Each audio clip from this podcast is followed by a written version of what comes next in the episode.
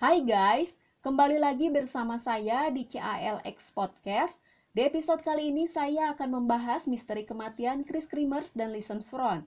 Bagaimana sebenarnya kejadian yang menimpa kedua orang tersebut? Berikut ini kita langsung saja masuk ke pembahasan kasusnya.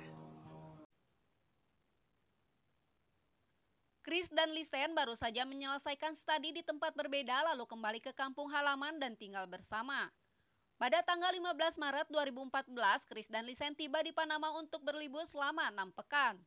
Mereka jalan-jalan di Panama selama dua pekan lalu pergi ke sebuah daerah bernama Bokuete pada tanggal 29 Maret untuk tinggal di rumah penduduk lokal. Rencananya mereka akan tinggal selama sebulan untuk menjadi sukarelawan yang mengajar anak-anak. Tanggal 1 April mereka mendaki ditemani seekor anjing milik tuan rumah yang mereka tinggali. Mereka akan berlibur di alam terbuka tepatnya di sebuah hutan dekat gunung tertinggi di Panama. Di sebuah jejaring sosial mereka menulis status bahwa mereka akan jalan-jalan di daerah Bokuete.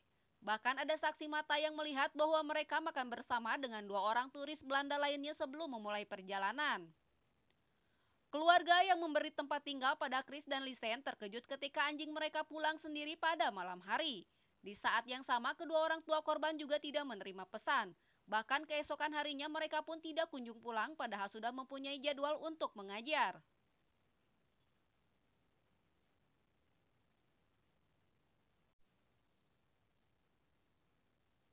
Tanggal 3 April, pihak berwajib dan warga sekitar mulai melakukan pencarian. Tiga hari kemudian orang tua dari kedua korban tiba di Panama bersama polisi, anjing pelacak, dan detektif dari Belanda. Pencarian selama 10 hari sudah dilakukan namun tidak ada hasil sama sekali. Bahkan kedua orang tua korban menawarkan hadiah sebesar 30 ribu US dollar pada siapa saja yang bisa menemukan anak mereka. Setelah 10 minggu berlalu dari hilangnya Chris dan Lisen, seorang warga lokal menemukan sebuah ransel berwarna biru milik Lisen. Ia menyatakan menemukan ransel itu di sebuah sungai dekat desa Alto Romero di wilayah Boca del Toro.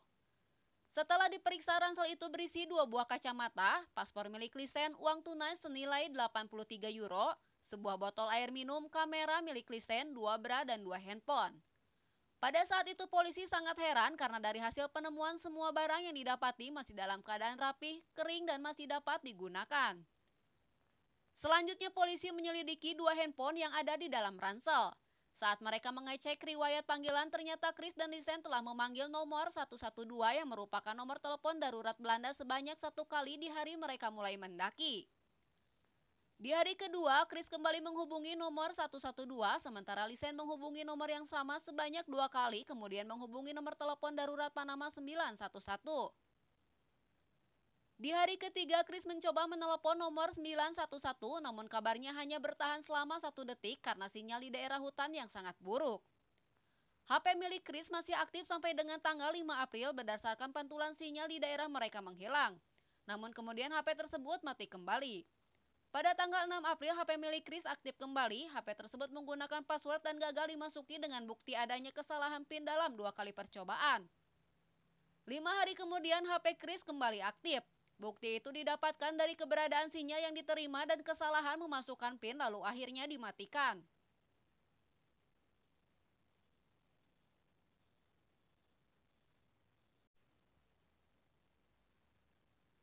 Sementara HP milik Lisen hanya mendapat sinyal hingga 3 April, kemudian mati di tanggal 4 April dan sempat mendapati sinyal pada tanggal 5 April namun HP tersebut mati kembali akibat kehabisan baterai. Penyelidikan dilanjutkan dengan memeriksa kamera milik Lisen. Ternyata ada ratusan foto yang tersimpan di kamera. Dimulai dengan foto tanggal 1 April ketika mereka mulai menjelajahi hutan. Kemudian penyidik mendapatkan foto-foto mereka saat melewati hutan.